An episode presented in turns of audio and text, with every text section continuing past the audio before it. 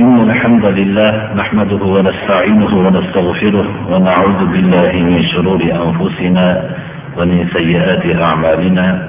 من يهده الله فلا مضل له ومن يضلل فلا هادي له.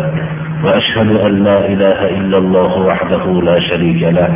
وأشهد أن محمدا عبده ورسوله. أما بعد السلام عليكم ورحمة الله وبركاته. Avvalgi darslarimizda aytib o'tganimizdek darslar tartib bilan o'rganilgan bo'lishligi shartdir. Chunki biz keyingi darslarimizni avvalgi darslarning asosiga qurib dars qilyapmiz. Shuning uchun to'satdan darsni eshitgan kishi avvalgi darslarni o'rgangan bo'lmoqligi kerak. Shunga binoan biz darsimizni u yuqoridagi darslarga ishora qilgan holatda davom ettiryapmiz.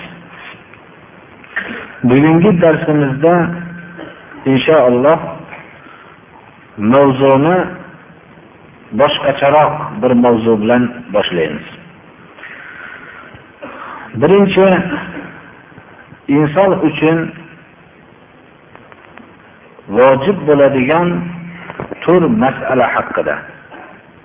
Va inshaalloh islom shariatidagi uchta asos haqida bahs yuritamiz. Agar vaqt shunga yetarli bo'lsa.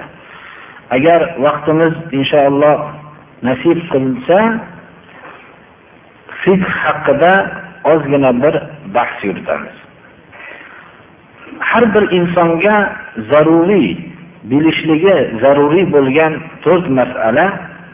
Birinchisi ilm. Ya'ni ilm deganda biz ollohni ma'rifati va ollohning payg'ambarini ma'rifati va dini islomning ma'rifatini qasd qilamiz. Ya'ni ilm ollohni tanish Allohni payg'ambarini tanish va dini islomni tanishdir. Ikkinchi bu ilmga amal qilish. Allohni tanib payg'ambarini tanib va dini islomni tanigandan keyin bunga amal qilish. Ahli islomlar boshqa millatdan birinchi ilm bilan farq qilishadi. Ular ilm degan narsada ollohni tanish va ollohning payg'ambarini tanish va dini islomni tanish degan narsani asosiy ilm deb tushunishmaydi.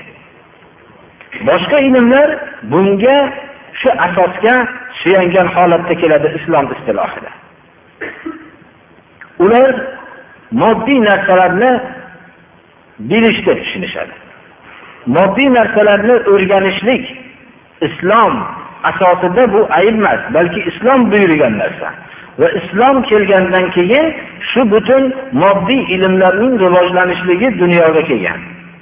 Boshqa millatlar tarixi mana tarix ham sodiq ustoz tarix hech qachon yolg'on so'zlamaydi tarixni bulg'ashlik mumkin emas ma'lum bir muddatda bulg'ansa ham u o'zini to'g'riligini aytib turaveradi. Islom kelgandan keyin boshqa ilmlar rivojlangan. Demak ollohni tanish va ollohni payg'ambarini tanish dini islomni tanish ilmning asosi bo'lmoqligi kerak.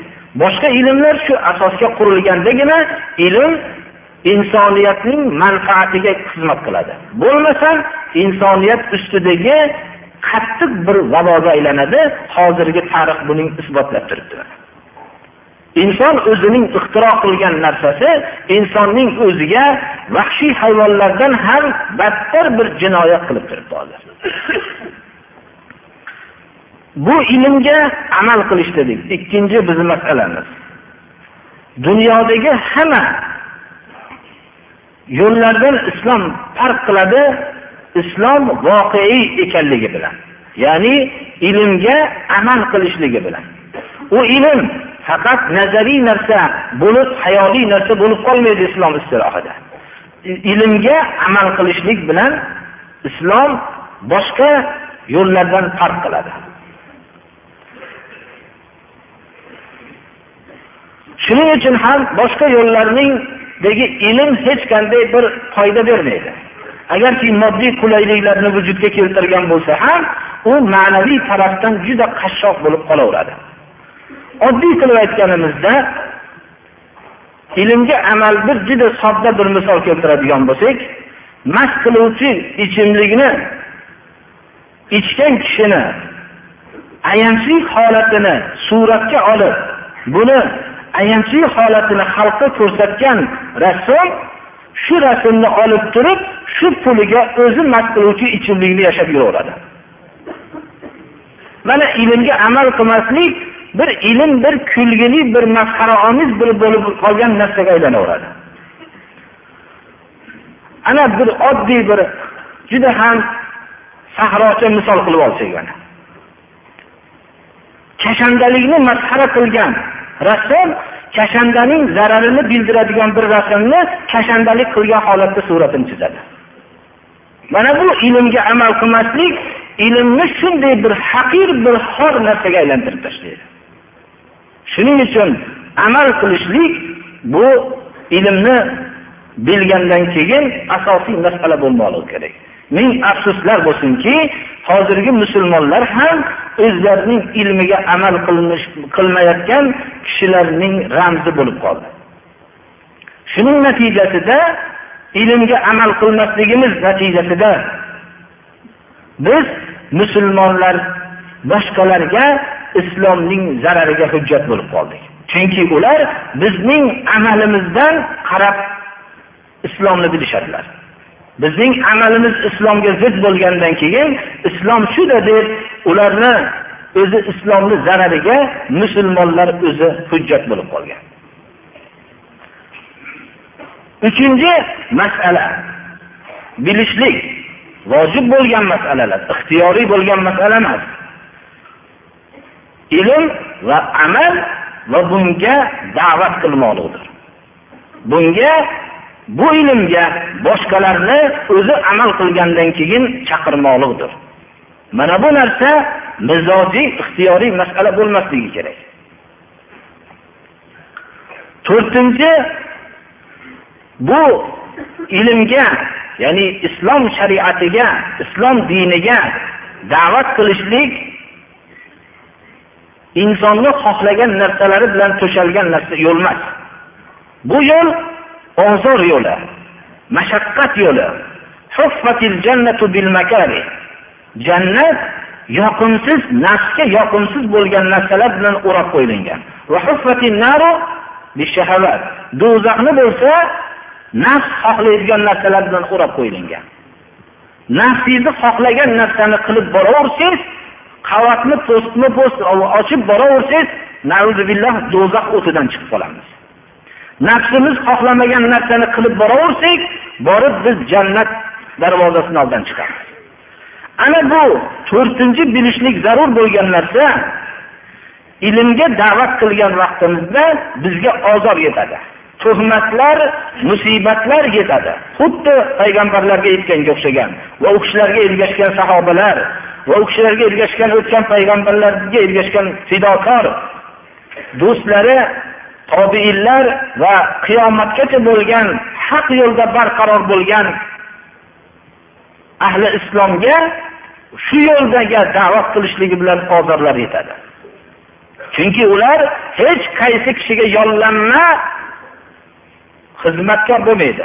Ollohning yollanma xizmatkori bo'ladi. Haqning yollanma xizmatkori bo'ladi. U haq qiyomatgacha o'zgarmaydi. Shuning uchun to'rtinchi bilishlik zarur bo'lgan narsa ozorlarga sabr qilmoqlikdir biz bu narsani dalil bilan isbotlashlik uchun qur'oni karimdagi uchta eng qisqa sura bor.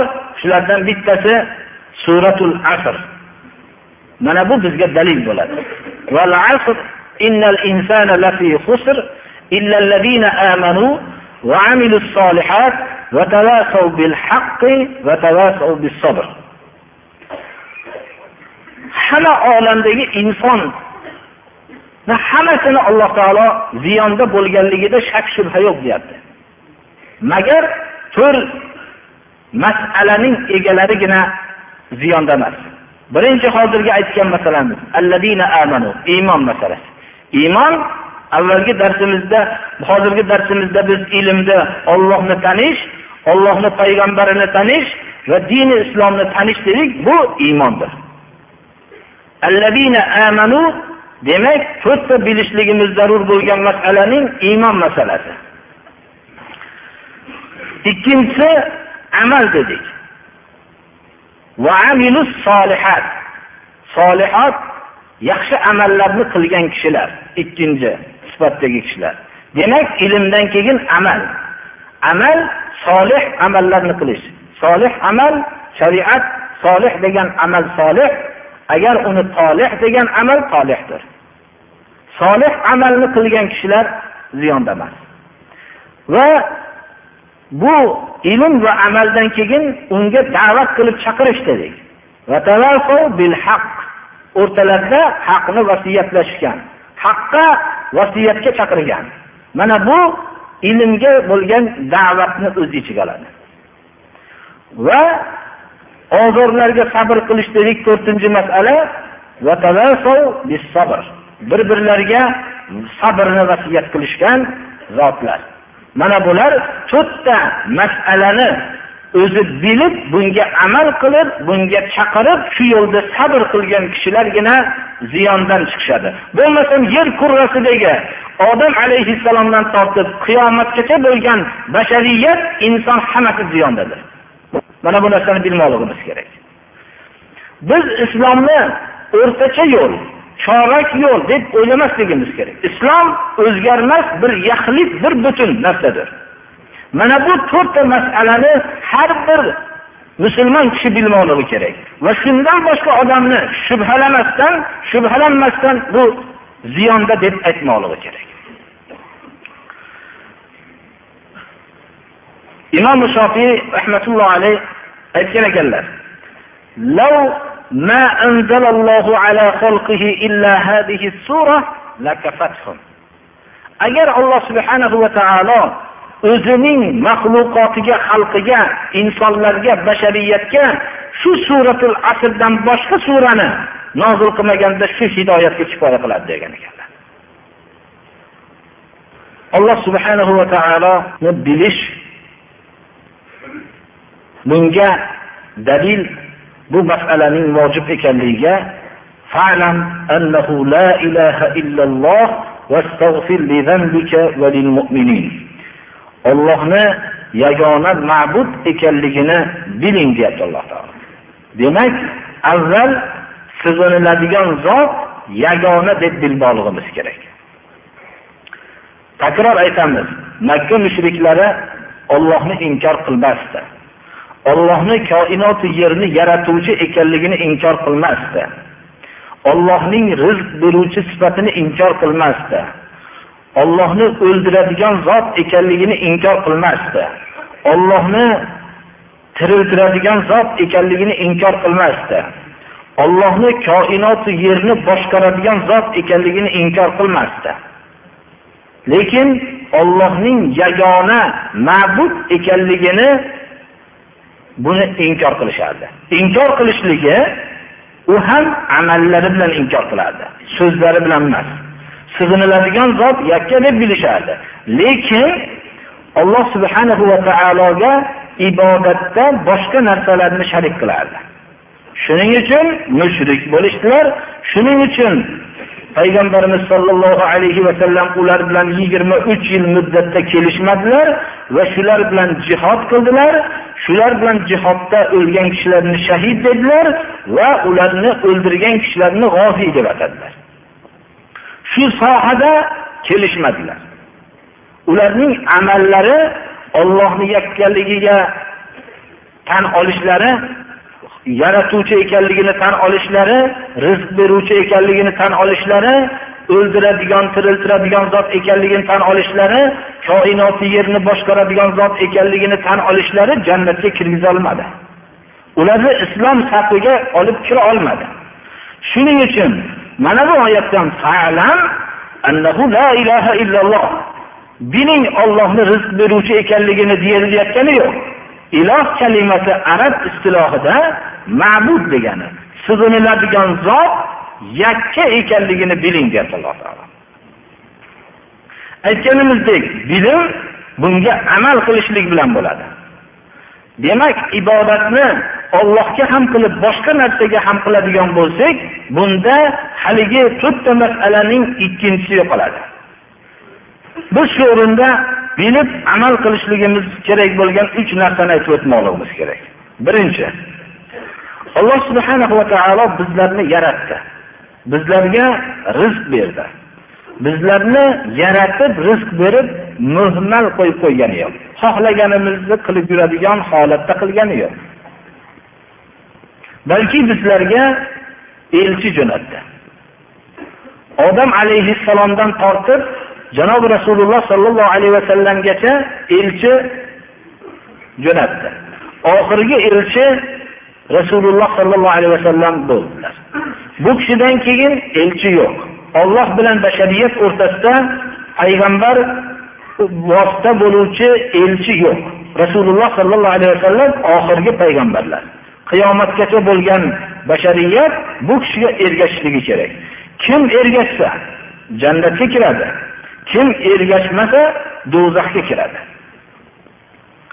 bunga dalil إنا أرسلنا إليكم رسولا شاهدا عليكم كما أرسلنا إلى فرعون رسولا فعصى فرعون الرسول فأخذناه أخذا وبيلا alloh subhanahu va taolo sizlarga elchi jo'natdim deyapti bu elchi shohid ya'ni guvoh bu kishining qilgan ishi aytgan so'zi haq haqqa guvoh xuddi sizdan sizlardan ilgarigi fir'avnga elchi jo'natilganga o'xshagan fir'avn elchiga itoat qilmadi va uni biz halok qildik deyapti alloh taolo. Ikkinchi bilishlik zarur bo'lgan narsa alloh subhanahu va taolo o'zining ibodatida birovni sharik qilinishligiga rozi bo'lmaydi. Ya'ni bu amalni qabul qilmaydi. Xoh bu sharik qilinayotgan ulug' zot bo'lsin xoh payg'ambar bo'lsin xoh vahiy olib keladigan farishta bo'lsin. Hech kimi Alloh o'ziga ibodat qilinishligida sharik qilinishligini qabul qilmaydi. Buni yaxshi bilmoqligimiz kerak. Dalil va lillahi tad'u ma'allohi ahada. Allohning masjidlari Alloh bilan birga hech kimga sig'inmaydi. Uchinchi bilishligimiz bo'lgan zarur bo'lgan masala kim Rasul sallallohu alayhi va sallamga itoat qilsa va Allohni vahdoniyatini tan olsa, yakkaligini tan olib, yakka ma'budligini tan olsa, unga Alloh rasuliga qarshi bo'lgan odamni do'st tutishlik mumkin emas. Iymon al-hubbu. Alloh uchun yaxshi ko'rish, Alloh uchun yomon ko'rish. Shu o'rinda yana g'ariza masalasini takrorlab o'tamiz. Bizda ko'p g'arizalar bo'lganga o'xshagan adovat g'arizasi bor. Alloh subhanahu va taolo buni bizga o'rnatdi. G'arizani takrorlashlik uchun bitta g'arizani misol keltiramiz. Yemoq g'arizasi bo'ladi. Buni bizni ta'minladi islom halol taom yeyishlik bilan, halol narsani ichishlik bilan. Agar bu g'arizani qondirmasak, harom taomni yeb, harom e, ichimlikni ichishlikka bu g'ariza tashna bo'lib majbur bo'ladi. Shunga o'xshagan bizda adovat g'arizasi bor va muhabbat g'arizasi bor. Muhabbat g'arizasi bilan biz Allohni yaxshi ko'ramiz va rasulini payg'ambarlarni yaxshi ko'ramiz va payg'ambarlarga ergashgan sahobalar bularni yaxshi ko'ramiz, tobiinlarni yaxshi ko'ramiz. Xullas Allohni do'stlarini yaxshi ko'ramiz. Adovat g'arizasi bilan. Bizga buni ta'minlashlik uchun shaytonni yaratdi. Shaytonni yomon ko'ramiz va shaytonga ergashgan shaytonsimon odamlarni yomon ko'ramiz. Agar bu olloh rasuliga qarshi bo'lgan kishilar deb aytamiz. Olloh rasuliga qarshi bo'lgan kishini do'st tutishligi mumkin emas. Bu uchinchi masalani bilmoqlik kerak. qur'oni karimdan dalil la tajidu qawman yu'minuna billahi wal yawmil akhir yuwadduna man hadda Allah wa rasulahu walau kanu aba'ahum aw abna'ahum aw ikhwanahum aw ashiratahum أولئك كتب في قلوبهم الإيمان وأيدهم بروح منه Allohga qiyomat kuniga iymon keltirgan kishilarni Alloh rasuliga qarshi bo'lgan odamlarni do'st tutgan holatda topmaysiz. Agarchi olloh rasuliga qarshi chiqqanlar ota onalari bo'lsa ham aka farzandlari bo'lsa ham aka ukalari bo'lsa ham qarindoshlari bo'lsa ham. Qalblariga olloh iymonni kitobat qilgan kishilar mana shu zotlardir. Va o'zini tarafidan bo'lgan rahmat bilan quvvatlagan zotlar shulardir olloh shunday kishilarga madad beradi. Mana bu uch narsani bilishligimiz zarur bo'lgan narsa shudir. Biz shu o'rinda alloh subhanahu va taolo qur'oni karimda millati ibrohimga ergashgan ergashganliklarini rasululloh sollallohu alayhi vasallamning e'lon qilishligini olloh buyurdi. Millati ibrohim deganda biz nimani tushunamiz? Alloh subhanahu va taoloning o'ziga dinni xolis qilishlik bilan ibodat qilishlik bu millati ibrohimdir. Bunga bir umumiy mana dalil alloh subhanahu va taolo shunga bizni yaratdi. Inson va jin toifasini faqat o'zimga ibodat qilishlik uchun yaratdim deydi alloh taolo. Ibodat qilishligi nima? Ibodat qilishlik birinchi ollohni yakka ma'bud deb tan olishlikdir. Tavhid deganda ibodatda ollohni yakka deb bilish va alloh subhanahu va taolo o'zini sifatlagan sifatlar bilan ollohni sifatlashlik va rasululloh sollallohu alayhi vasallam sifatlagan sifatlar bilan sifatlash va maxluqotga o'xshashlikdan pok deb bilishlik. Alloh taolo qaytargan narsalarni buyurgan narsa tavhid. Ya'ni tavhid yana takror aytamiz yakka ollohni ma'bud deb tan olish va olloh o'zini sifatlagan sifatlar bilan sifatlashlik va payg'ambarimiz sollallohu alayhi vasallam sifatlagan sifatlar bilan sifatlashlik bu olloh buyurgan narsalardir. Olloh qaytargan narsalarning eng kattasi hozirgi masalaning aksi al eng katta buyurgan narsalar shu bo'lsa qaytargan narsalarning eng kattasi shirkdir. Shirk nima? Shirk ollohdan boshqaga sig'inish ollohga sig'inishlik bilan birga va ibodatda ollohga sharik isbot qilishlikdir. Alloh subhanahu va taolo mana oyatlarni juda ko'p joyda va la tushriku bihi shay'a. Ollohga ibodat qilinglar ollohga hech bir narsani sharik qilmanglar. Ollohga shariklar qilmanglar. Biz avvalgi uchta bilishligimiz kerak bo'lgan narsani kengaytiramiz. Banda birinchi ollohni tanishi dinini tanishi va payg'ambari sollallohu alayhi vasallamni tanishlik.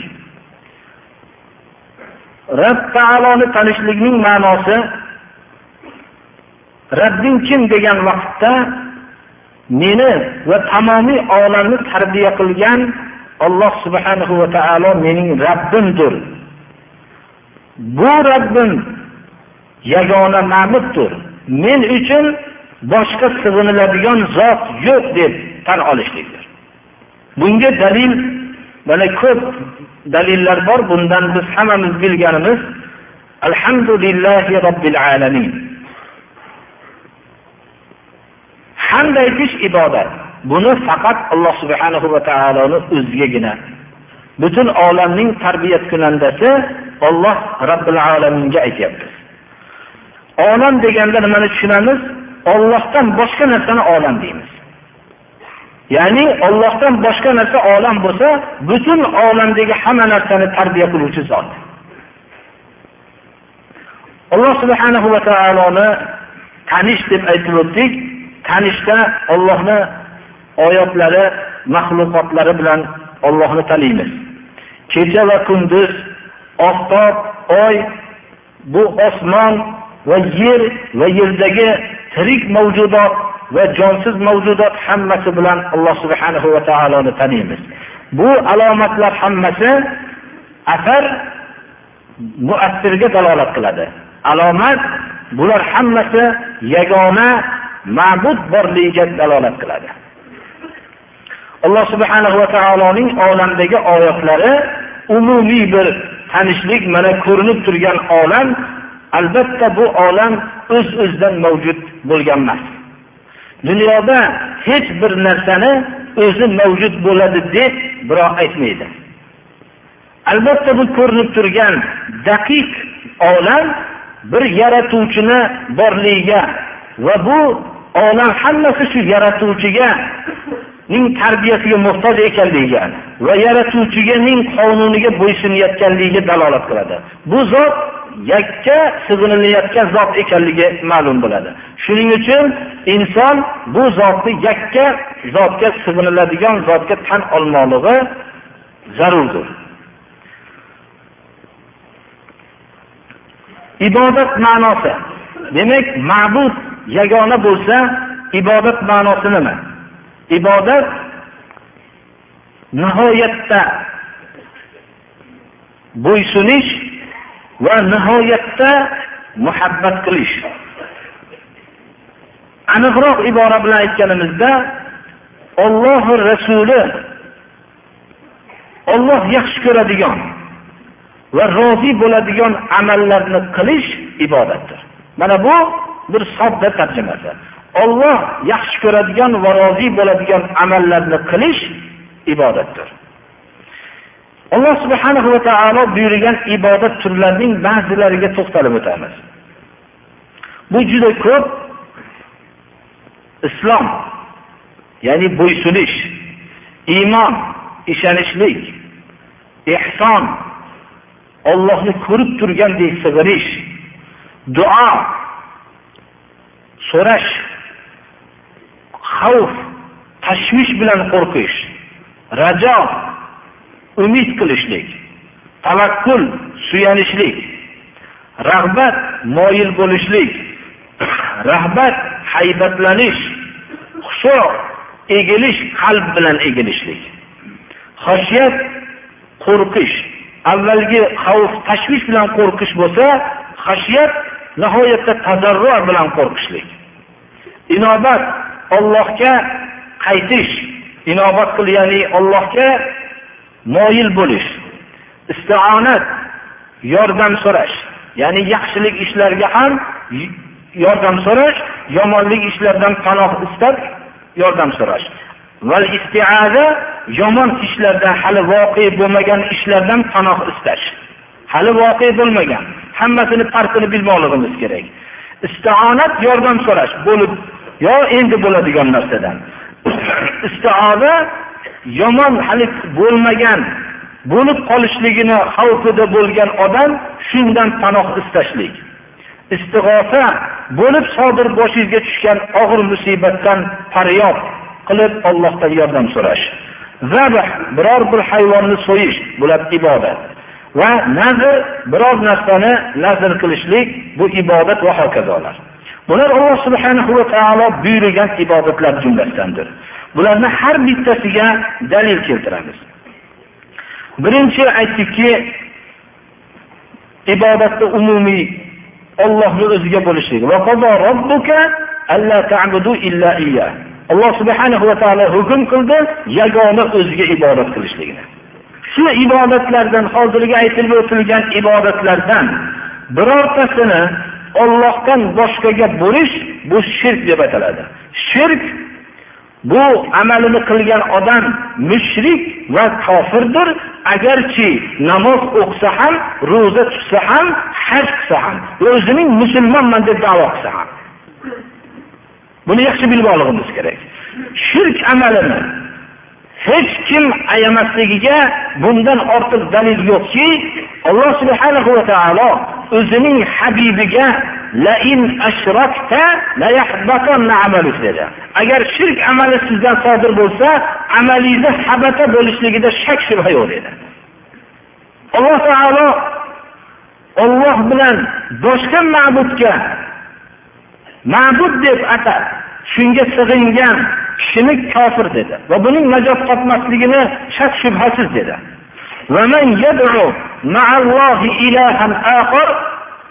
لا برهان له به فإنما حسابه على عند ربه فإنما حسابه عند ربه إنه لا يفلح الكافرون dedi ba'zi bir kishilar duo qilayotgan vaqtida ollohdan boshqaga duo qilayotganda biz ibodat qilayotganimizga duo qilyapmiz deyishadi yoinki nazr qilayotgan vaqtida biz ollohdan boshqaga ibodat qilayotganimizga nazr qilyapmiz deydi ba'zi narsani so'yayotgan kishilar biz xoh tovuq xoh qo'y xoh mol xoh tuya. Buni so'yayotganimizda biz ollohga ibodat bu ibodat qilayotganimizga so'yyapmiz deyishadi.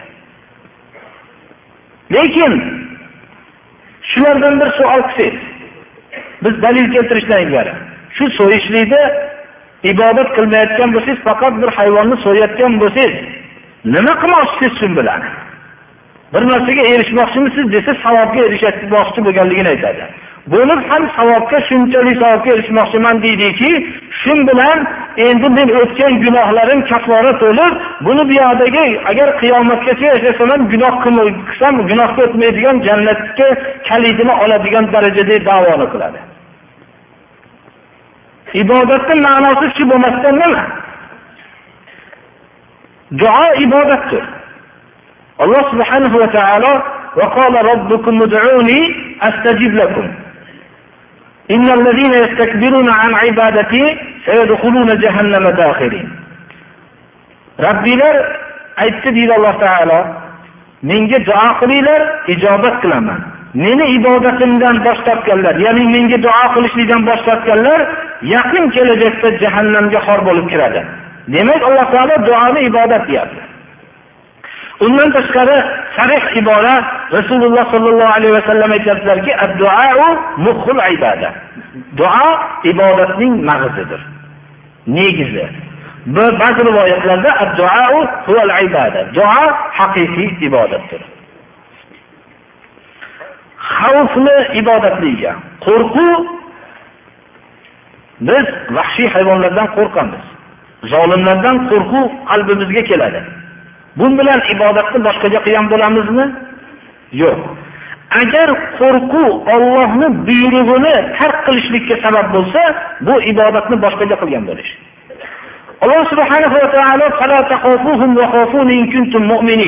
odamlardan qo'rqmanglar mendan qo'rqinglar mo'min bo'lsanglar deyapti.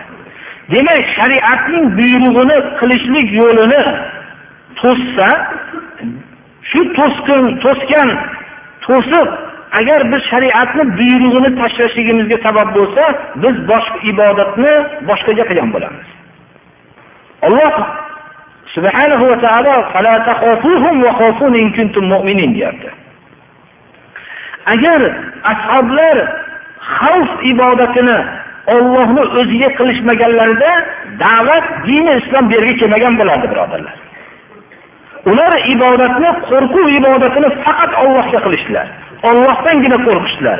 Shuning uchun ular o'zlarining saflarida shahidlar bo'lishsalar ham da'vatdan to'xtashganlar yo'q. Umid ibodat. Insonni da'vat yo'lidan haqiqiy islomdan to'sadigan narsa qo'rquv va hamda kuchlirog'i umiddir.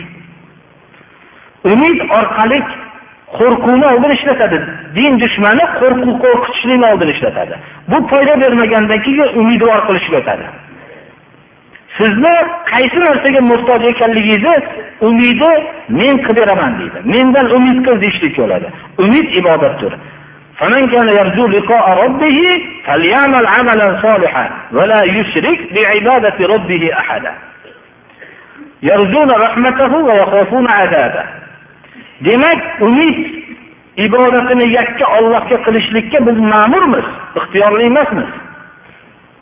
Agar bu umidni ollohdan qilsak ibodatni ollohga qilgan bo'lamiz. Agar umid boshqaga qilsak ibodatni boshqaga qilgan bo'lamiz. Biz ba'zi odamlardan biror narsani umid qilib shu bilan ibodatni boshqaga qilgan bo'lamizmi degan savol tug'iladi. Agar bizning umidimiz shariat hukmini qilmasligimizga sabab bo'lsa boshqadan umid qilishligimiz mana bu narsa ibodatni boshqaga qilgan bo'linadi. Ba'zi umidlar borki odamlar shu umid bilan martabaga chiqishlik umidi bilan moli davlatni qo'lga keltirish umidi bilan yoinki biror bir yordamni umidi bilan ollohni buyrug'ini tashlashadi. Mana bu ibodatni boshqaga qilish va shirk amalidir bu bilan amal habata bo'ladi. Tavakkul ibodatdir. Alloh subhanahu va taolo va alallohi fatavakkalu in kuntum mu'minin va man yatavakkal alallohi fa huwa hasbuh Allohgagina tavakkul qilinglar deyapti. Tavakkul sifati bo'lmasa inson hayotda hech narsa qilolmaydi biror bir ishni qilishlikka ollohga suyanishlik kerak. U narsani qilishlik g'ayb birodarlar. U bo'ladimi yo bo'lmaydimi hech qaysimiz bilmaymiz. Endi buni ollohga suyanib shu ishni qilamiz agar tavakkul sifati bo'lmasa insonda hamma ishni qilmaydi. Masalan bitta ilm o'qimoqchi bo'lsa men buni egallolmayman deydi qo'rqadi. Tavakkul qilib allohga tavakkul qilib harakat qilsa ilmni egallaydi. Biror bir safarga chiqayotsa safarda qo'rquvlar hammasi to'sib turadi. Qaysi bir ishni qiladigan bo'lsa dunyoda to'siq bo'ladi. Unda bir yalangga chiqib o'tirish kerak bo'ladi. Agar uyni ichida o'tirsa tom bosib qoladi degan tashvish bilan ham u yerda o'tirmaslik kerak bo'ladi. Hayotda tavakkul sifati bo'lmagan odamdan o'zi uchun ham manfaat kelgan emas. Hali birov uchun manfaat olishlik. Demak biz hayotda yashashlik uchun yaxshi ishlarni qilishlik uchun biz tavakkul sifatiga muhtojmiz. Mana shu ibodatga muhtojmiz. Ho buni alloh subhanahu va taologa hali ko'rinmay turgan ishimizni ko'rinmay turgan abadiy zotga suyanib ish qilaylik. Yo bo'lmasam bunda mo'min bo'lmadi yo bo'lmasam qandaydir foyda ham zarar ham yetkazolmaydigan bir narsaga suyanib turmush qilaylik. Shuning uchun din dushmanlari ollohni inkor qilganlar ham baribir bir narsaga suyanib turmush qilishadi. Yo puliga suyanib turmush qiladi. Ya'ni faqat shu pulni o'ziga suyanadi. Yoyinki biror bir o'zidan balandroq martabadagi bir odamga suyanib ish qiladi. Yoyinki bir kishiga suyanib ish qiladi.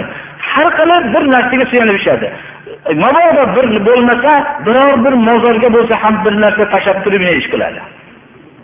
Bir narsaga suyanadi. Ollohni inkor qilgan odamlar ham bu tavakkul g'aribasidan qochib qutulisholmaydi alloh subhana va taolo bu g'aribani yagona o'ziga suyanishlik bilan ta'minladi. Rag'bat rahbat qalbda haybat va moyillik xushu bir sinish bu narsalar hammasi ibodatdir. Alloh subhanahu va taolo o'zini dan haybatlangan o'ziga moyil bo'lgan o'ziga tazarru qilgan bandalarni maqtab innahum kanu yusari'una fil khayrati va yad'unana raghaban va rahaba va kanu lana khashi'in deb bu bayon qildi. Xashiyat ya'ni tazarru bilan qo'rqish xavfdan farq qiladi. Ibodatdir. Ulardan haybat bilan qo'rqmanglar. Mendan qo'rqinglar deyapti alloh taolo.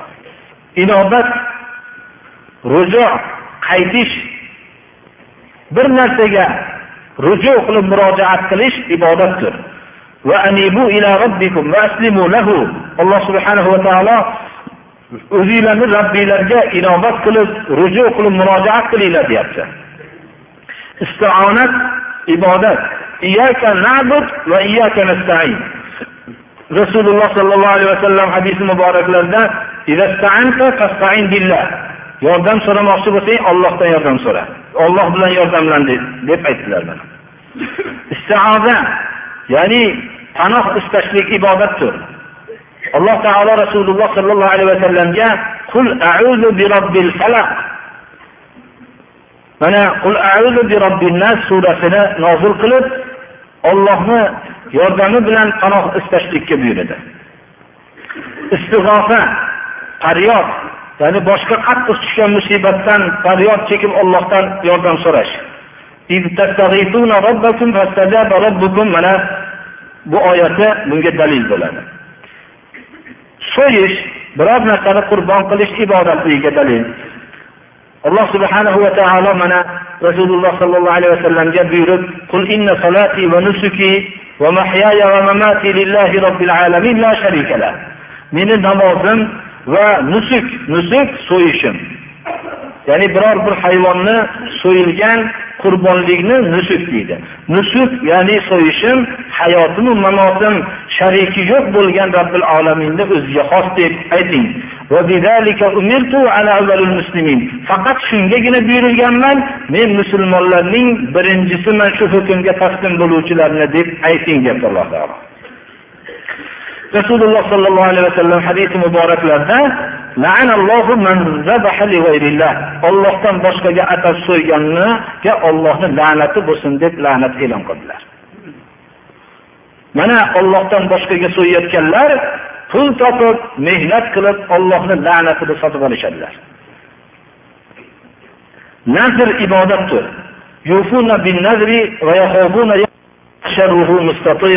Alloh subhanahu va taolo nazrga vafo qilganlarni o'zi maqtadi.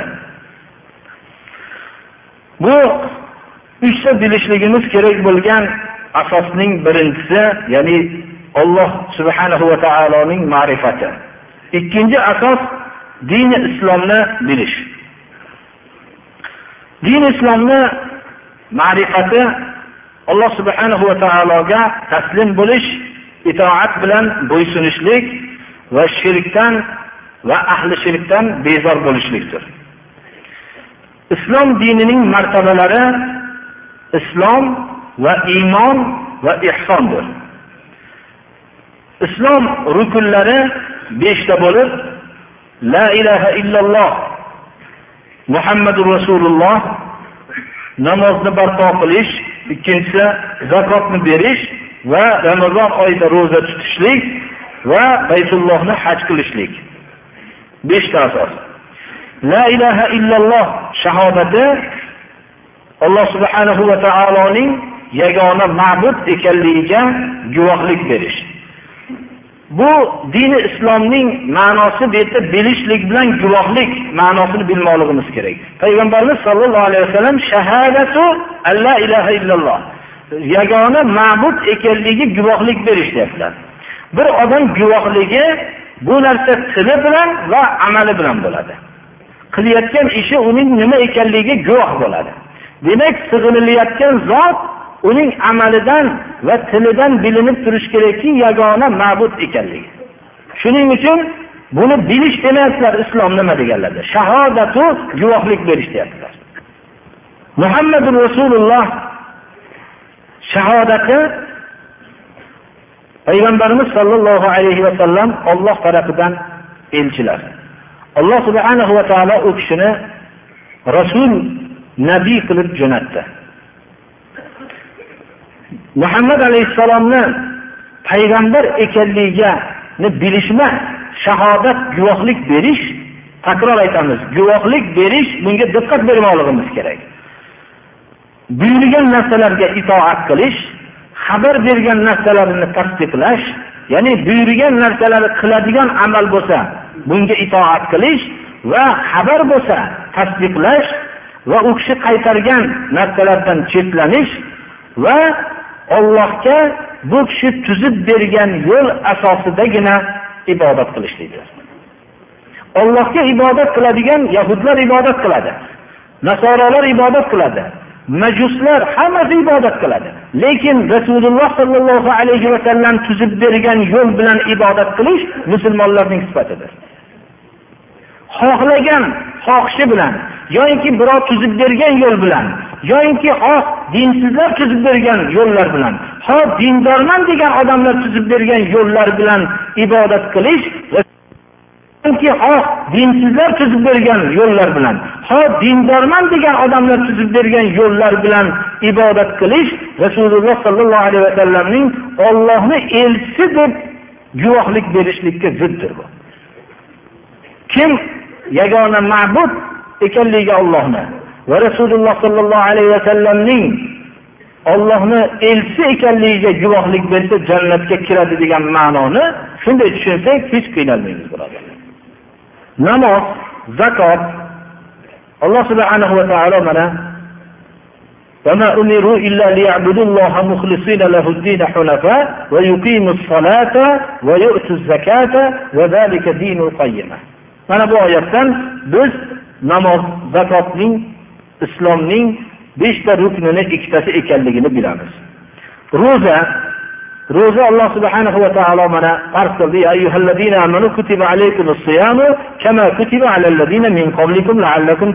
oyati bilan ramazoni sharif bizga farz qilindi. Hajni dalili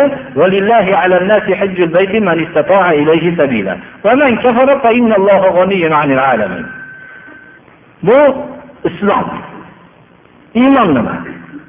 Iymon deganda biz iymonning tarmoqlarini tushunamiz. Iymon bir daraxt bo'lsa rasululloh sollallohu alayhi vasallam o'zlarining hadislarida shu mazmunni aytdilarki yetmishtadan ko'p iymon daraxtining shoxchasi bor. Eng oliysi la ilaha illalloh va uning eng kichkina shoxchasi imatatul ada anit tariq ba'zi rivoyatlarda imatatul aza an tariqil muslimin Aqtariq aliflom bilan kelganligi o'zi kifoya qiladi. Musulmonlarning yo'lidan musulmonlarga ozor beradigan narsani yo'qotishlik iymonning eng kichkina shoxchasidir. Islom o'zini musulmonlarning yo'lini tozalashlikda alohida hay'atlar qurishlikka hojat tushmadi. Biror bir muassasalar qurishlikka hojat tushmadi. Hozirgi vaqtdagi madaniyatni da'vo qilgan toifalar o'zlarining muassasalari bilan faxrlanayotganlarga faxrlanadigan muassasalarga hojat tushmadi. Mo'min kishilar o'zlarining iymon daraxtlarining eng kichkina shoxchasini vujudga keltirishlik uchun musulmonlarni yo'lidan musulmonlarga ozor beradigan narsani yo'qotishyaptilar lekin iymonga hozirgi mo'minlarga ham boshqa kofirlarni ta'siri o'tganligi natijasida bizdagi mana bu sifatlar yo'qolib qoldi birodarlar. Iymon rukunlari oltita. Ollohga iymon keltirish farishtalariga kitoblariga payg'ambarlariga va qiyomat kuniga va qadariga yaxshilik yomonlik ollohni qadari bilan ekanligiga iymon keltirishlikdir uchinchi martaba ya'ni islom iymon ehson dedik. Ehson rasululloh sollallohu alayhi vasallam mana deb ehsonni tushuntirdilar. Ollohni ko'rib turgandek sig'inmoqliging agar ollohni ko'rib turibdi ollohni ko'rib turgandek sig'inishlikka senda quvvat yetishmasa ruhiy quvvat olloh meni ko'rib turibdi degandek sig'inmoqliging ehson dedilar deb muhsinlar bilan birga ekanligini alloh taolo bayon qildi. Bu dinning hozirgi mana uchta martabasini aytib o'tdik din islomni shunga hadis mashhur hadis mana umar ibn hattob roziyallohu anhudan rivoyat qilingan hadisda alayhi payg'ambarimiz sollallohu alayhi vasallamni oldilarida o'tirgan edik.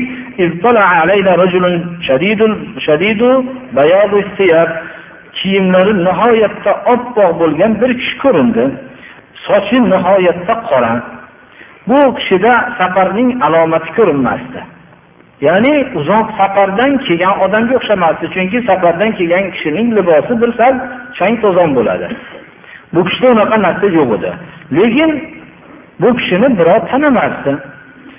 Payg'ambarimiz sollallohu alayhi vasallamni oldilariga o'tirdilarda va tizzalarini tizzalariga suyab va kaftlarini u kishining sonlariga qo'ydida qo'ydilarda ya muhammad islom islom nimaligini aytib bering dedilar. Shunda payg'ambarimiz sollallohu alayhi vasallam nozirga ollohni yagona ma'bud ekanligiga guvohlik berishligingiz muhammad alayhissalomning ollohni elchisi ekanligiga guvohlik berishligingiz namozni barpo qilishligingiz zakotni o'tashligingiz ramazon oyida ro'za tutishligingiz baytullohni haj qilishligingiz deb beshta rukunni aytdik. Allohga iymon keltirish, ollohni yagona ma'bud deb tan olishlik bilan muhammad alayhissalomni ollohni elchisi deyishlik bitta narsa. Shunda Hozir bo'lsangiz baytullohni haj qilish dedilar. Sadaqda to'g'ri aytdingiz deb qo'ydilar. Biz so'rab to'g'ri aytdingiz degan so'ziga ajablandik. Iymon nima ayting dedilar. Bunda allohga iymon keltirmoqligingiz farishtalariga kitoblariga payg'ambarlarga va qiyomat kuniga va qadarning yaxshilik yomonligiga iymon keltirmoqligingiz dedi. Shunda ehson nima aytib bering dedilar. Ya'ni allohga ko'rib turganingizdek e, agar ko'rib turganligini tasavvur qilolmasangiz ko'rib turibdi deb olloh meni ko'rib turibdi deb ibodat qilishligingiz qiyomatdan xabar bering deganda bu kishi payg'ambarimiz sollallohu alayhi vasallam so'raluvchi so'rovchidan olimroq emas dedilar. Shunda qiyomatni belgilarini aytib bering deganlarda cho'rilar o'zining sayyidasini tug'ishligi qiyomatni belgisi dedilar. Buni tafsirida ba'zi fikrlar bor. Bu yerda hozir ma'qulroq qilib aytsak bittasini aytamiz. Cho'rilar o'zining sayyidasini hojasini tug'ilgan vaqtida qiyomatni belgilari paydo bo'ladi dedilar. Ya'ni farzandlar o'zining e, onalar ota onalar farzandlarining xizmatkoriga aylanib qoladi. Degan ma'noni berishganlar. Hozirgi vaqt shunday deb atasak ko'p ba'zilar albatta mustasno ko'p oilalarga nisbatan shunday desak xato qilmagan bo'lsak kerak ota onalar o'zlarining farzandlarining xizmatkori bo'lib qolgan birodarlar ya'ni cho'ri o'zining hojatini tuqqan degan ma'nodir وأن ترى الحفاة العراة العلاة عالة رعاء الشاء يتطاولون في البنيان yalang'oyoq yalang'och kambag'allarni ya'ni biz yalangoyoq deb aytamiz qo'ylarni boqib yurgan cho'ponlarni katta binolarda faxrlanib o'tirganligini ko'rsangiz qiyomatni belgisini kuting deysiz. Qaysi bir chekkalarga dunyoni shunday chekka joylarga borsangiz faxrlanib o'tirganligini bu binoni xohlaganda qurib o'tirishlikni islom uni gunoh degan emas lekin hayotini faxrini shunga qurib qo'ygan odamlarni qiyomatni belgisi bo'layotgan alomat deyilgan. قل بفضل الله وبرحمته فبذلك فليفرحوا هو خير مما يجمعون ayting odamlarga ollohni fazli ilm amal taqvo bilan va ollohning rahmati bilan shu bilangina xursand bo'lishsin bu ular to'plagan narsadan yaxshiroq deyapti alloh taolo demak biz faxrlanamiz quvonamiz nima bilan ollohni fazli bilan rahmati bilan Lekin faqat binoni o'zi bilan faxrlanib o'tirishlik bu narsa shu hayotini faxrini shunga suyab qo'yishlik bu insoniyatni zalolat yo'liga chiqarib tashlaydi birodarlar. Shunda bu kishi ketdilar ozgina turdik. Shunda rasululloh sollallohu alayhi vasallam ey umar bilasizmi bu so'ragan odam kimligini? Olloh rasuli biluvchiroq dedik. Bu kishi jibril alayhissalom sizlarga diniylarni ishini ta'lim berishlik uchun keldi. Keldilar dedilar. Ya'ni uchta narsa. Qaysi? Islom iymon ehsonni demak dinni ishi dini islom deganda biz islom iymon ehsonni tushunmoqligimiz kerak. Mana bu bizni dinimizni ta'limi uchun jibril alayhissalom payg'ambarimiz sollallohu alayhi vasallamni oldiga savol javob tariqasida keldilar. Ollohni buyrug'i bilan. Bu ikkinchi asos. Uchinchi asosimiz nabiyimiz muhammad sollallohu alayhi vasallamni tanish. Bu kishi muhammad ibn abdulloh ibn abdul muttalib ibn hoshim bu o'zlari ismoil alayhissalomning avlodlaridan muttafaqun alayh nasablari adnonga boradi. Ismoil alayhissalomga borishlarida nasablarni shak shubha yo'q. Payg'ambarimiz sollallohu alayhi vasallamning umrlari oltmish uchta bo'lganligini qirq yoshlari payg'ambarlikdan ilgarigi yoshlari va yigirma uch yil vaqtlarida nabiy va rasul bo'ldilar.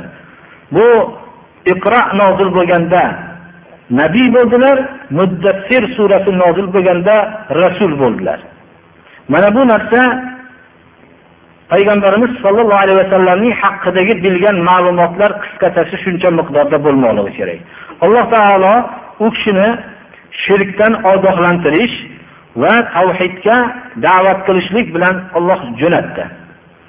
Qur'oni karimda mana muddassir surasida ya ayyuhal muddassir kun faanzir. Turing o'rningizdan odamlarni ogohlantiring dedi alloh taolo. O'ralib olgan edilar qo'rqqanlaridan. Robbingizni faqat ulug'lang libosingizni pok qiling. Butdan voz keching.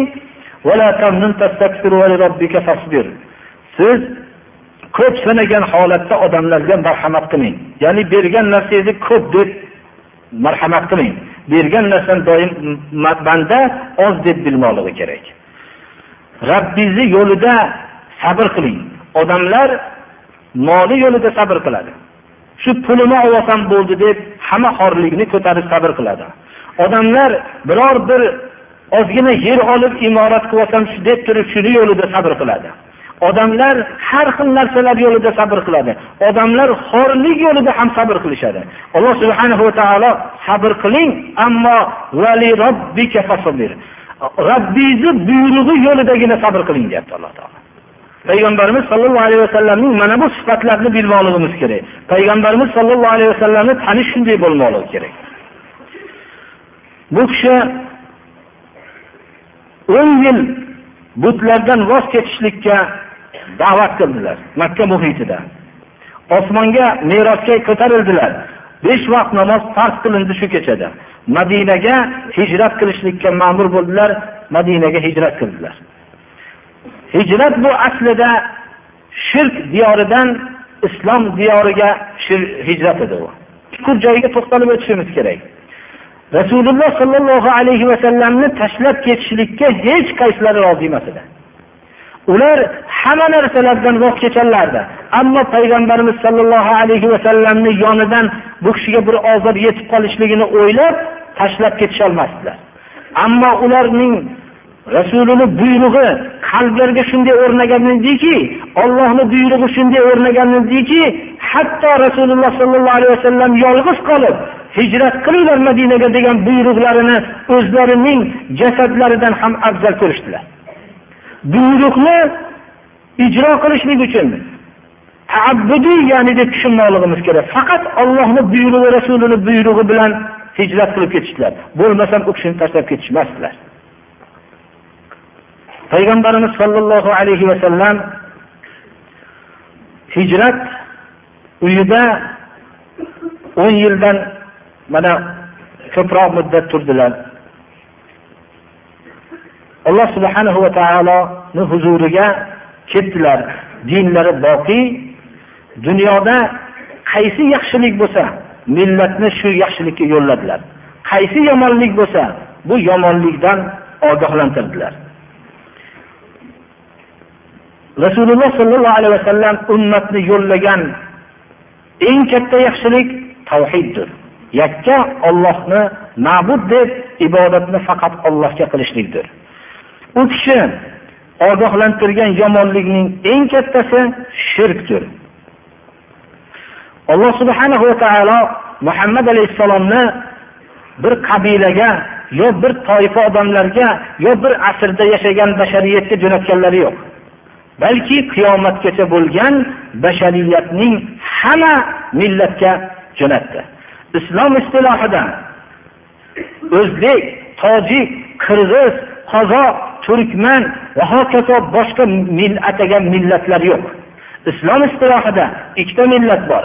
Islom millati va kufr millati. Islom millati hozirgi qavmiya har toifa odamlardan islomning e'tiqodini qabul qilib islomga amal qilgan kishilar islom millatini safiga kirib agarki rangi uning qoni va millati qanday bo'lishligidan qat'iy nazar qaysi tanli bo'lishligidan qat'iy nazar jannatga dohil bo'ladi. Ammo islomning e'tiqodini qabul qilmasdan va islomning buyruqlarini bajarmasdan kim bo'lishligidan qat'iy nazar qanday ulug'zodaning farzandi bo'lishligidan qat'iy nazar islomni hukmini qilmasa islom e'tiqodini qabul qilmasa do'zaxga kiradi. Agarchi u o'zbek bo'lsa ham u balki u arab bo'lsa ham. Shunday bilmoqligimiz kerak. Bayati islomiyani alloh subhanahu va taolo payg'ambarimiz sollallohu alayhi vasallam vositasi bilan bizga tushirdi. Faqat insonni o'ziga emas balki jin toifasiga ham u kishi payg'ambardir. Alloh subhanahu va taolo payg'ambarimiz sollallohu alayhi vasallam bilan dini islomni komil qildi. Endi biror narsa qo'shishlikka hojat qo'ymadi. Bir kishi yaxshi niyat bilan dini islomga bir narsani qo'shishligi bilan din islomdan bir narsani olib tashlashligini farqi yo'q ikkovi ham gunoh zalolatdir. Alloh subhanahu va taolo o'zini kalomida al-yawma akmaltu lakum dinakum va atmamtu alaykum ni'mati va raditu lakum al-islam dina oyatini nozil qildi. Bugun dininglarni sizlarga komil qilib berdim. Ne'matimni tamomiga yetkazdim, komil qildim deyapti. Shuning uchun biror bir kishining hech qanday haqqi yo'q kim bo'lishligidan qat'iy nazar dini islomga bir narsani qo'shishlikka. Rasululloh sollallohu alayhi vasallam vafot topganlar. u kishini dinlari boqiydir.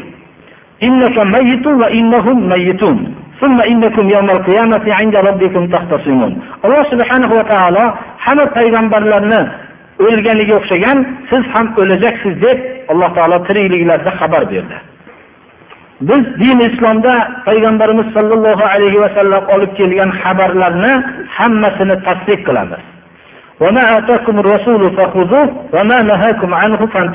Rasul sollallohu alayhi vasallam bergan narsani ushlanglar qaytargan narsadan qaytinglar deymiz biz shariati islomiyani qabul qilganda biz aqlimizga muvofiq bo'lishligi tarafi bilan qabul qilmaymiz.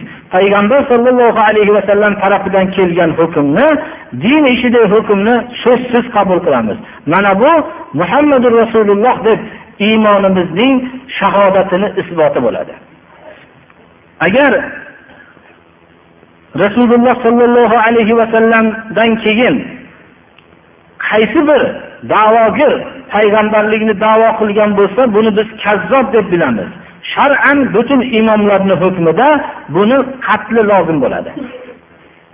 So'zsiz ulamolar hammasi ittifoq qilib fatvo berishganki payg'ambarlikni rasululloh sollallohu alayhi vasallamdan keyin da'vo qilgan har qanday kishi uning jazosi qatl deyiladi. Biz dini islomning asoslaridan avvaldagi to'rtta masalani qisqartiribroq aytdik va dindagi uchta asosiyni bayonini alhamdulillah bir qisqacha qilgan bo'ldik. Bu hozirgi aytilingan dars birodarlar dini islomdagi bilishlik zaruriy bo'lgan masaladir. Buni hech qachon buni bilmaslik bilan bilishlik o'rtasida ixtiyorlik bo'lishlik mumkin emasdir birodarlar. Shuning uchun hozirgi darsimizni bir qadriga yetmoqlik kerakki bu darsni ko'p takrorlab har bir kishi o'zini o'zida shahodat ya'ni guvohlik bermoqligi kerakki mana bu hukmlarni qalbiga jo qilib bunga amal qilmoqlik kerak. Boshqa millatlar bilan ahli islomlarning o'rtasidagi ilmni farqi ilmga ahli islom amal qilishlik bilan farq qiladi. Boshqalar amal qilmaslik bilan ular ajralib turadi. Va shunga o'xshagan musulmonlar ibodatda ollohning rasuli tuzib bergan yo'l bilan ibodat qilishlik bilan yahud nasoro va boshqalardan farq qilib turadi. Bo'lmasam mutlaq ibodat qilishlik bilan farq qilmaydi birodarlar. Ibodatni hamma millatlar qiladi lekin ular yakka ollohga qilmaydi. Ahli islomlar bo'lsa yakka ollohga ibodat qiladi va ollohning rasuli tuzib bergan yo'l bilan ibodat qiladi. Mana bu ibodatning tub ma'nosidir. Alloh subhanahu va taolo darsimizni qalbimizga jo qilishlik allohni irodasi bilan qarz oluvchi ham qarz beruvchi ham olamdan o'tgan. O'rtada qarz o'sha qarz qolgan. Ya'ni qarz shunday qolib ketgan. Qarzdorni farzandlari bor. Haqdorning esa hech kimi yo'q. Ya'ni qarz oluvchini farzandlari bor deb tushunyapman men bu yozuvdan haqdorni ya'ni qarz beruvchini hech kimi yo'q. Farzandlari ham yo'q qarindoshi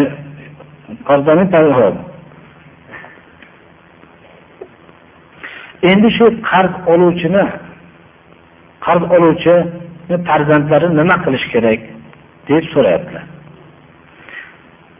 Qarzdorni qarz beruvchini hech kimi bo'lmasa ya'ni bu topilishligi juda qiyin bo'lsa kerak birodarlar. Hech kimi yo'q deganda farzandi bo'lmasanglar hech kimi yo'q deyilmaydi. Aka ukasini ham surishtirish kerak opa singlisini ham surishtirish kerak. Uning amakisi va hokazo boshqa qarindoshlarini nasab qarindoshlarini surishtirish kerak. Mabodo shu qarz beruvchini hech kimi yo'q deylik shunda bu mol musulmonlarni moli bo'lib baytul molga beriladi bu narsa. Tushunarlimi? Shuning aksi ham qarz oluvchi odamni hech kimi yo'q. Buni aksini aytaylik. Endi u qarz beruvchini hamma yo'q hamma odam boru qarz olib ketgan odamni hech kimi qolmagan moli ham qolmagan. Biror bir narsasi qolmagan bo'lsa unda ham bu qarzni musulmonlar baytul moli to'laydi. Foyda zarar baytul molga bo'ladi. Merosda ham shunday bo'ladi. Bir kishini moli qolgan bo'lsa meros qolsa merosxo'r qolmadi. Shunda bu musulmonlar baytul moliga beriladi bu narsa. Qarzdor odam qarzidan qutulishligi uchun mana shunday qilmoqligi kerak. Ana baytul moli qayerda bo'ladi uni unvonini biz bilib olsak degan musulmonlarni o'zlarining hukmlari bo'lmagandan keyin albatta ularning baytul moli ham bo'lmaydi. Bu ma'lum bir ulamolardan bo'lgan shuroda topshirilsa meni vallohu alam fikrim bu. Agar xato bo'lsa o'zimdan to'g'ri bo'lsa alloh subhanahu taoloni tarafidan musulmonlarni bir ishonarli ahli ilmlari bilan maslahat qilib guvohlar tariqasida shu molni men beryapman deydi. Mabodo shularning nasab qarindoshlari chiqib qolsa sizlar to'laysizlar degan shart bilan bersa o'zini fuqarolarga kerakli o'rinlarga sarf qilinsa nima bo'laveradi?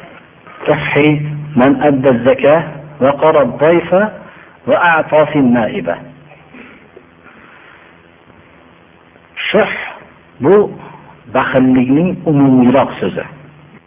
Baxillik faqat molga bo'lgan baxillikdir. Bir odam molini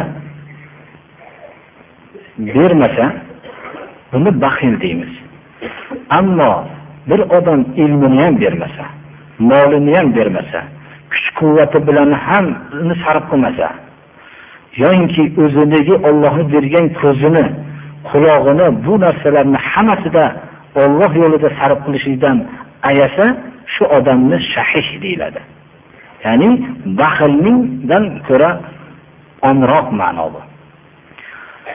Shu shuhdan qutulishlik uchun nima qilish kerak inson? Demak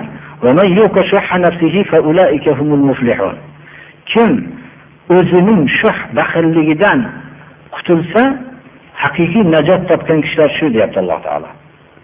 Ikki joyda alloh taolo shuni yod qilgan. Hadis sharifda mana bayon qilinyaptiki shuh haqiqiy baxillikdan tamoman qutulib ketgan bo'ladi zakot bergan odam. Uchta sifatga ega bo'lishi kerak. Zakot bersa va mehmon kelsa ziyofat qilsa. Mehmonni ziyofat degani yedirib qo'yishlar emas. Mehmon xohlagan taomni qilib berish mehmonni ziyofat qilish bo'ladi. Siz bir ovqatingizni berish u yedirish bo'ladi. Shuning uchun qur'oni karimda miskin kambag'allarni kalimasida ziyofat qilsa deb kelmaydi. Yedirsa deydi. Nimani topsa yedirib qo'ysa. Ammo zaif mehmonchi mehmonni qaro unda qiro e, arab tilida mehmonni xohishi. Mehmon ko'p choy ichadimi ta'mli choy ichadimi suyuq ovqat yeydimi shuni so'rab shuni aytganini qilib berishlikni qirodi bu o'ziga yarasha ozgina mashaqqati bor. Bir narsani olib chiqishlik bilan mehmon talab qilgan narsani qondirishlik buni o'ziga yarasha qiyinchiligi bor. Shu qiro sifati topilmaguncha qalbidagi tamomiy baxillikdan qutulmaydi odam. Bitta hadisni hozir o'zimizni voqeimizda izohlashlik kerak. Uchinchi noiba. Ya'ni bu noiba har xil musibat emas. Musibatda qo'lidan kelgancha bir narsa marhamat qilolasa mana bu narsa uchala sifat topilganda inson tamomiy baxillikdan qutuladi. Shuning uchun har bittamiz qalbimizda bir boshim bir kishini bir mo'min kishini boshiga bir musibat yetganda shu bilgan birodarlar qo'lidan kelgan. U nima olishligidan qat'iy nazar. Moli bor odam moli bilan kuchi bor odam kuchi bilan yoki bir so'zi bilan yoki qodir bo'lmagan odam hamdard bo'lib duo qilib turishlik bilan yordam qilolishligimiz kerak. Modomiki shu qalbimizdagi shuh yo'qotib tashlamoqchi bo'lsak va shundan biz kim saqlansa najot topadi deyapti alloh taolo. Men bu so'zni aytishimdan sizlarga bir yo ustalik yo boshqa narsa qilmoqchi emasman. Biz shu yerda bir birodarimizni boshiga musibat tushgan. U musibat shu mashrabjon aka degan bir akamizni uylari kuyib ketgan. Shu kishini o'zim shuni hozir e'lon qilib aytishligim shuki har bittamizga shu bitta dars bo'lsin. Shu narsa biz shu yerga o'zim borib mana ba'zi birodarlar borib ko'rgan inshaalloh unchalik katta yordamga ham muhtoj emas inshaalloh uni biz qilib beramiz o'zimiz. Mabodo bir kishi yordam bermasa ham buni qilib beramiz. Lekin shu narsa shoh qalbdagi shohdan qutulishlik uchun shu bir marta bo'lsa ham odam o'zini hamdardligini bildirib qo'yolishlik kerak. O'zidagi o'zi uchun. Bu birov u mashrabjon aka yo boshqa uchun emas birodarlar. Shuning uchun u qariyalar duo qilishlik bilan. Ba'zi borolmaganlar uyda alloh subhanahu va taologa duo qilib shularga bir madad bergin degan narsani qalbimizda bir ko'rsatolishligimiz kerak. Bu faqat bu kishi uchun emas. Bu hayot bu birodarlar oxirat emas. Buni qanday voqealar insonni boshida bo'ladi olloh o'zi biladi. Lekin hozirgi vaziyat manaqa vaziyatda qish faslida bo'lganligi uchun alloh subhanahu va taolo u kishiga ajr bersin va undan ham yaxshiroq bir mukofot bersin. Allohumma ajurni fi musibati va xuluf khayran minha deb payg'ambarimiz sollallohu alayhi vasallam ta'lim bergan ekanlar shuning uchun shu darsimizda men o'zim shundan foydalanib bir ozginadan bir o'zimiz shu yerda qodir bo'lganlar. Shu yerda masjidimizda shu hadisni tadbiqi uchun qo'limizdan kelgancha bir shu kishiga yordam qilsak mana shu yerda shu mahallani bir ikkita vakillari bor. Shu kishiga berib shuni qilib ertaga shu narsani shunday bir harakat qilib qo'ysak. Ba'zi bir usta birodarlarimiz ulardan biz yordam so'ramaymiz. Shu faqat boshqa yerda qilayotgan ishini bizga shu maslahat bilan yordam berishsaki shu mana inshaalloh pulini bersanglar shu kishini uyiga boshqa yerga xizmatini shu yerga ko'chirsa o'zini yordami shu bo'lsa. Ba'zi bir unaqa ko'p ish ham hojati yo'q ekan u yerga. Shuning uchun hozirgi hadisni tadbiqini shu yerda qilib men mana shu yerda bir ozgina shu yerda bir pul to'plasak shuni deyman. O'zinglarga ma'qul bo'lsa agar sizlarni o'zi qodir bo'lganlarga boshqa bir odamlarni biz majbur qilmaymiz. Alloh subhana va taolo shu kishiga o'zi sabr bersin. Alloh taolo shu uyini avvalgidan ham yaxshiroq qilib tiklab berishini alloh nasib qilsin